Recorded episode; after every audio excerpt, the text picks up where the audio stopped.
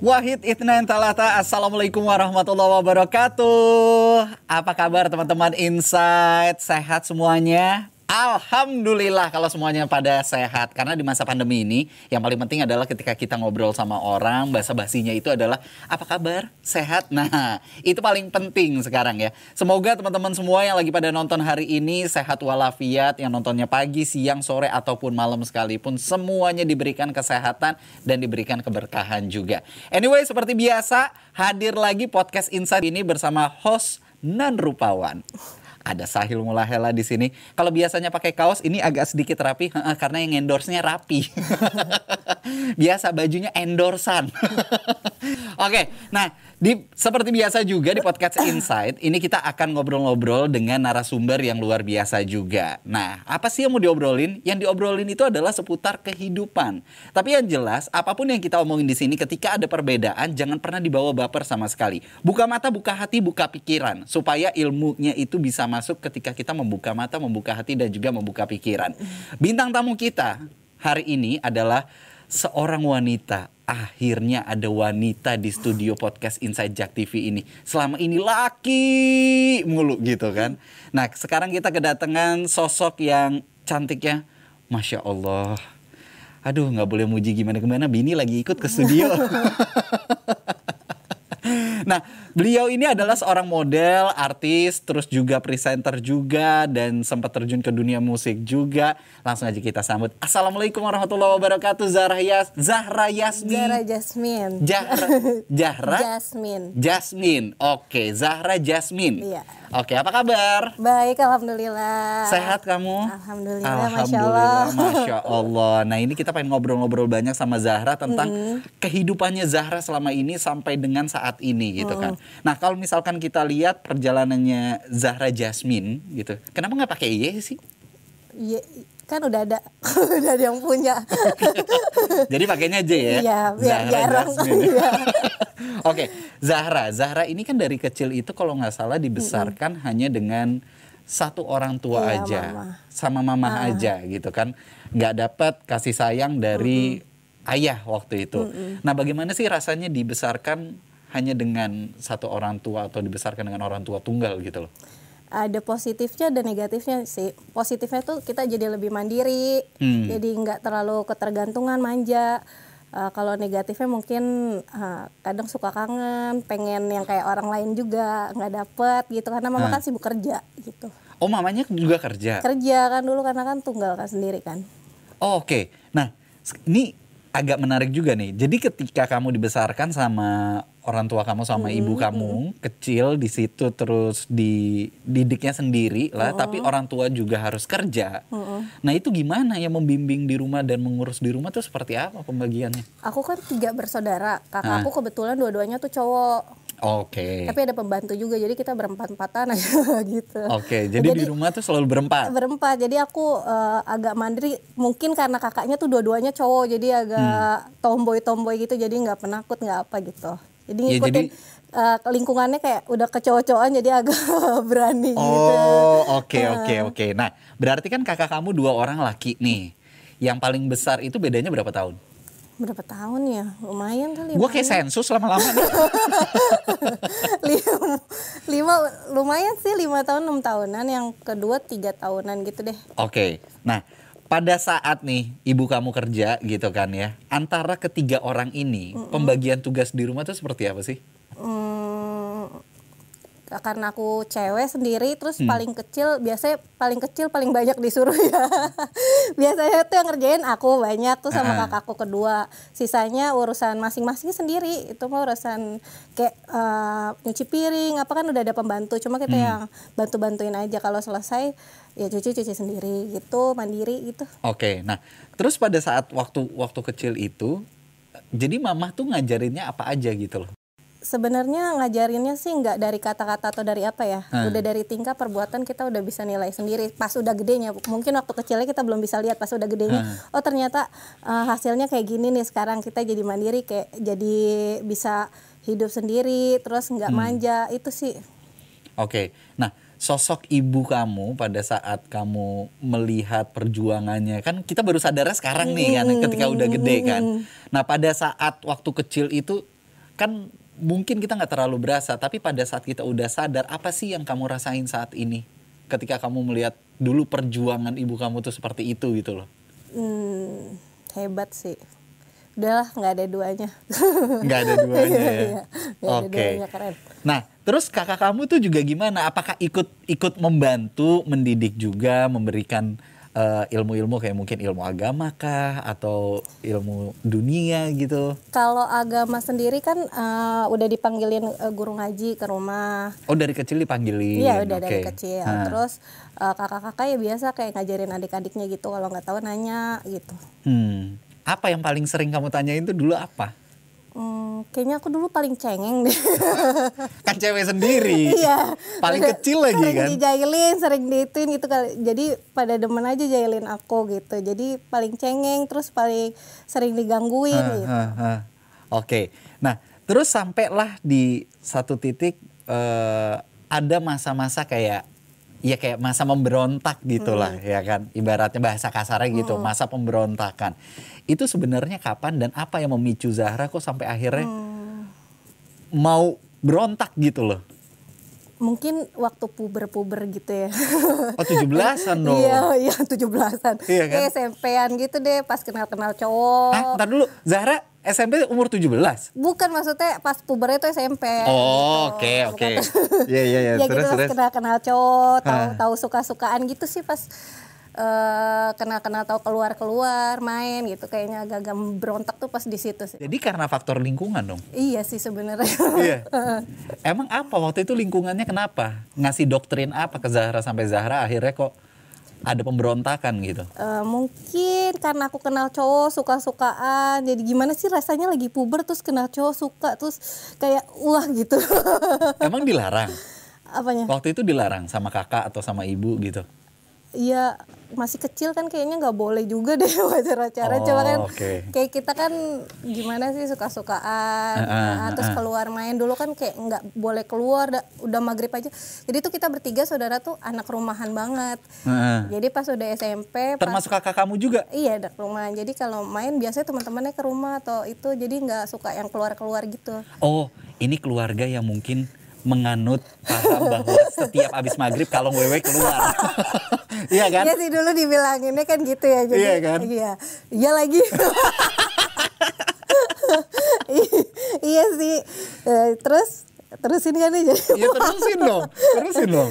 jadi eh, eh, jarang banget keluar. Jadi kalau Ah. kayaknya tuh kalau keluar habis maghrib tuh gimana gitu. Pas udah Hmm. puber ini tuh aku pulang sampai yang setelah maghrib Hmm. main. Padahal main doang sama temen di rumah temen. Kadang kan nggak berasa ya kalau main sama temen Iya. kan gitu. Terus Ah. eh, suka-sukaan sama cowok gitu. Hmm. Chat-chatan aja tuh bisa lama. Padahal di rumah temen lagi gitu tuh udah gitu. Udah maghrib gitu kan pulang. ya. Ah, ah. terus ulang tahun temen gitu. Nah, terus di momen-momen itu ketika kamu akhirnya memberontak tuh kan kayak ya karena udah kenal cowok lah, udah berteman sana sini lah, lingkungan yang mungkin akhirnya membuat kamu berontak itu. Ketika kamu pulang melampaui batas, siapa yang berperan untuk ngomelin di rumah? Kakak kah atau ibu? kalau ada mama mama mama kan Hmm. eh, sering keluar kota Oke. Iya, jadi kalau kalau nggak ada mama ya kakak-kakak lah gantinya gantian. Eh, tapi kakak kamu hebat juga ya nggak nggak keluar rumah sama sekali tuh abis maghrib. Enggak, ya emang emang anak rumahan aja. Emang mainnya di rumah. Dia kan suka main kom- dulu kan komputer, PS. Nah, itu mainnya lama banget. Kakak, kakak aku kan kamarnya di atas, jadi kayak nggak turun-turun main di rumah main komputer, main PS. Tapi punya temen kan? punya. Temennya kan ke rumah. Oh temennya Temen- mainnya di iya, rumah. iya, jadi rumah tuh jadi base camp. Iya, kan kalau kakak aku yang pertama tuh di atas kamarnya, jadi kayak Oke. bolak-balik ke atas temennya gitu. Oke, oke, oke, oke. Jadi karena di rumah terus, jadi akhirnya kakak di rumah. Nah Zahra lah yang akhirnya keluar-keluar terus nih. Eh, gimana ya? Jadi kayak aku yang bandel.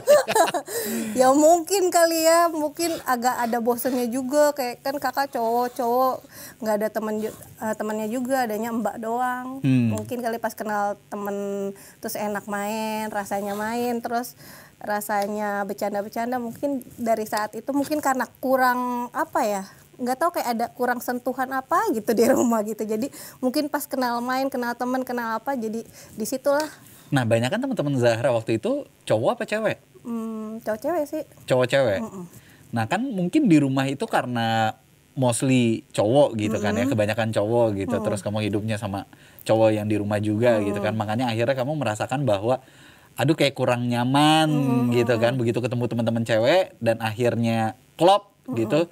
Itu yang mengawali masa-masa pemberontakan itu. Seberontak apa sih dulu? Iya namanya itu sih kata aku wajar ya kak anak-anak aku lihat ponakan ponakan aku aja anak-anaknya kakakku kayaknya sama kayak aku dulu jadi kayak nggak bisa dibilangin emang lagi ngeberontak aja udah nggak bisa dilarang gitu lagi puber-pubernya Hmm, gitu hmm, hmm. sih Jadi lebih ke arah nggak bisa dibilangin Iya, ya gitu ya. dibilangin sih bisa cuman ntar dilakuin lagi gitu Oke. Nah, kita penasaran juga sih sebenarnya pengen tahu bagaimana Zahra itu ketika akhirnya di masa-masa sekolah itu kan melihat biasanya ada eh, anak-anak yang sama ayahnya gitu. Nah, Zahra melihat itu tuh seperti apa sih? Kalau dulu masih kecil pengen kali ya, karena kan perasaan masih kecil rasa pengen ada. Eh, aku tuh yang ngambilin rapot selalu adiknya mama, om, tante gitu. Jadi nggak pernah yang mama, nggak pernah yang ada ayah gitu. Jadi kayak kepengen aja, pengen ada rasa pengen. Oh, jadi mamanya Zahra juga nggak nggak ikut? Enggak kan sibuk kerja. Oh, jadi yang ngambilin justru om Oh iya, gitu. om, tante.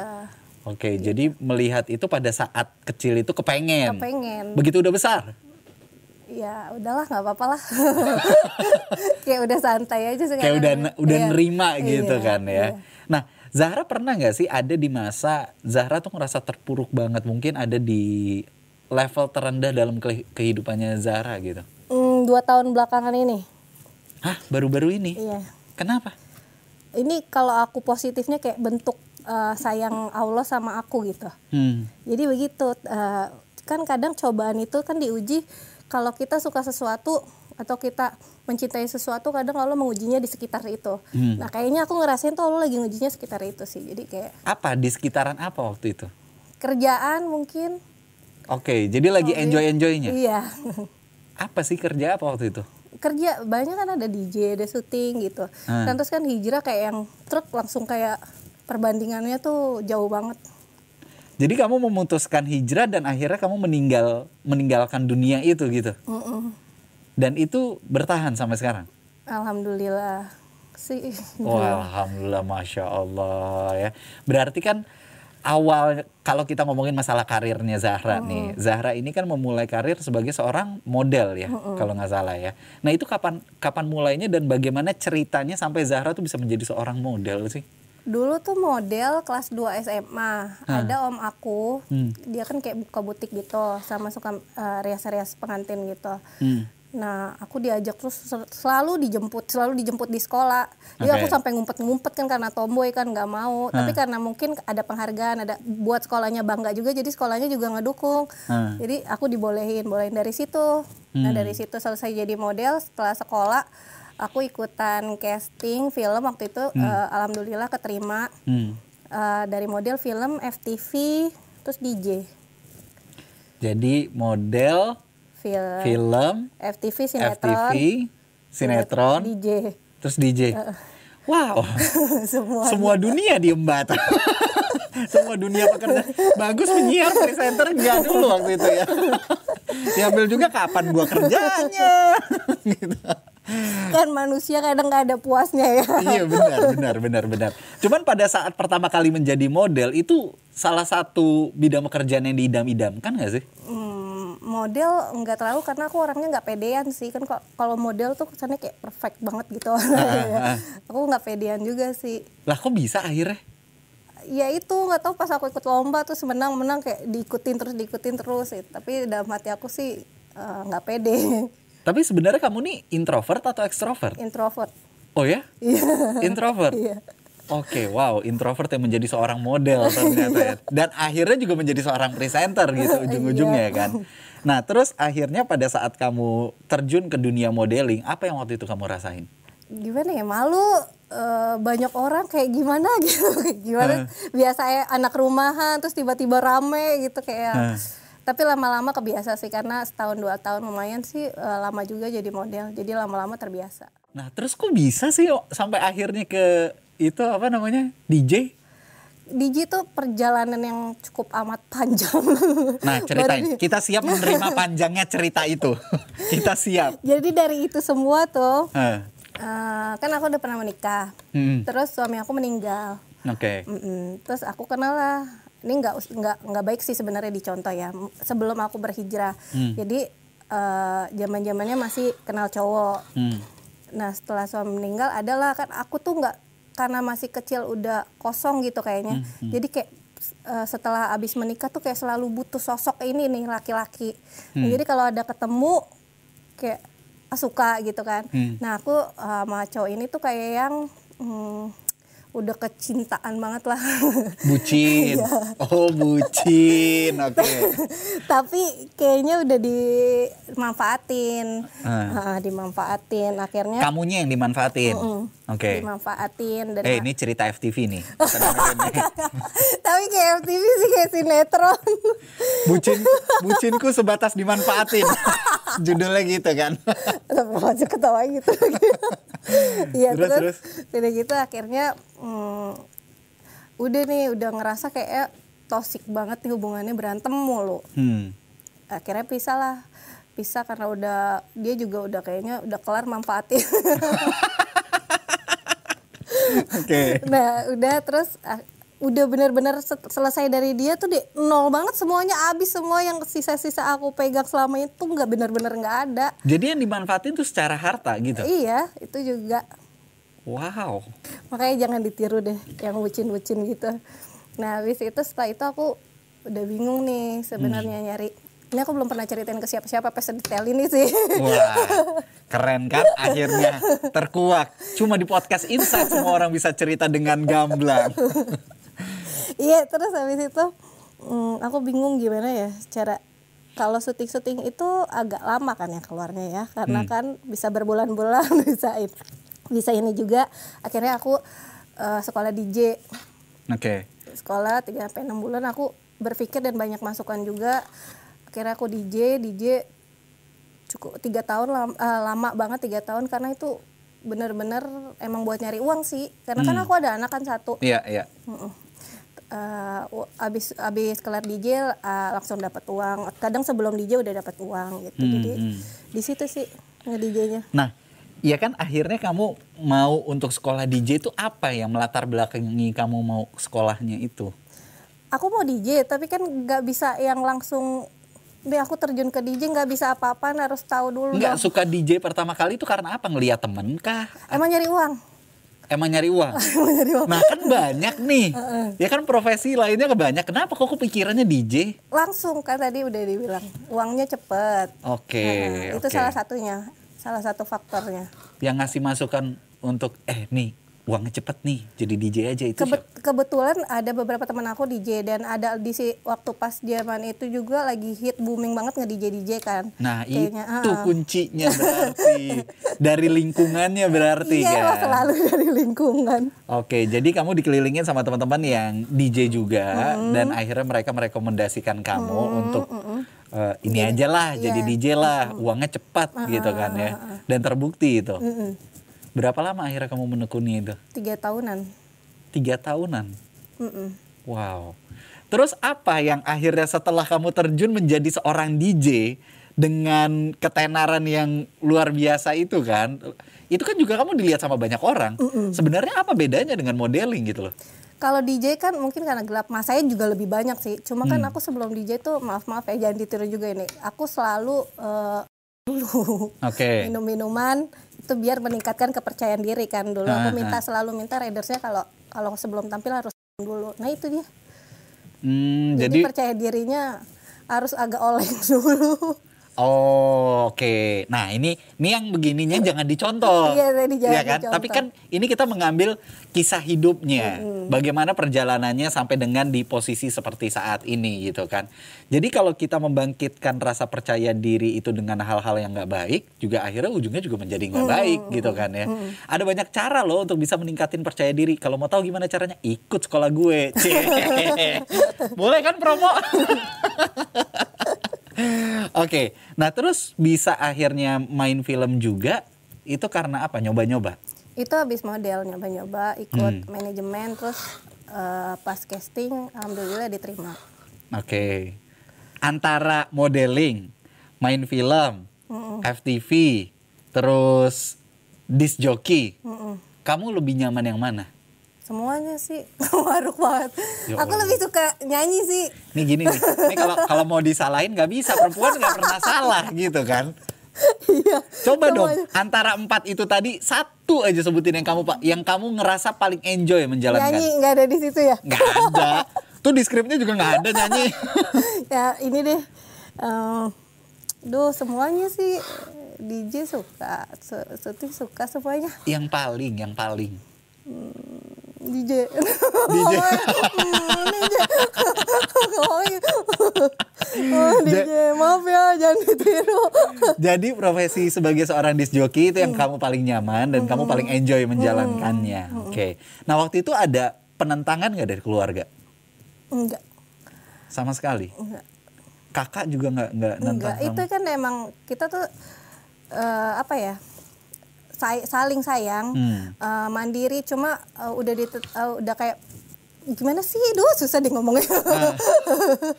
kayak yang ya gitulah pokoknya tahu saling sayang, ya jaga diri baik-baik, tahu Hmm. lah yang men- yang benar mana, yang salah mana gitu. Dari kecil udah begitu. Talata Ithnan Wahid. Wassalamualaikum warahmatullahi wabarakatuh. Allah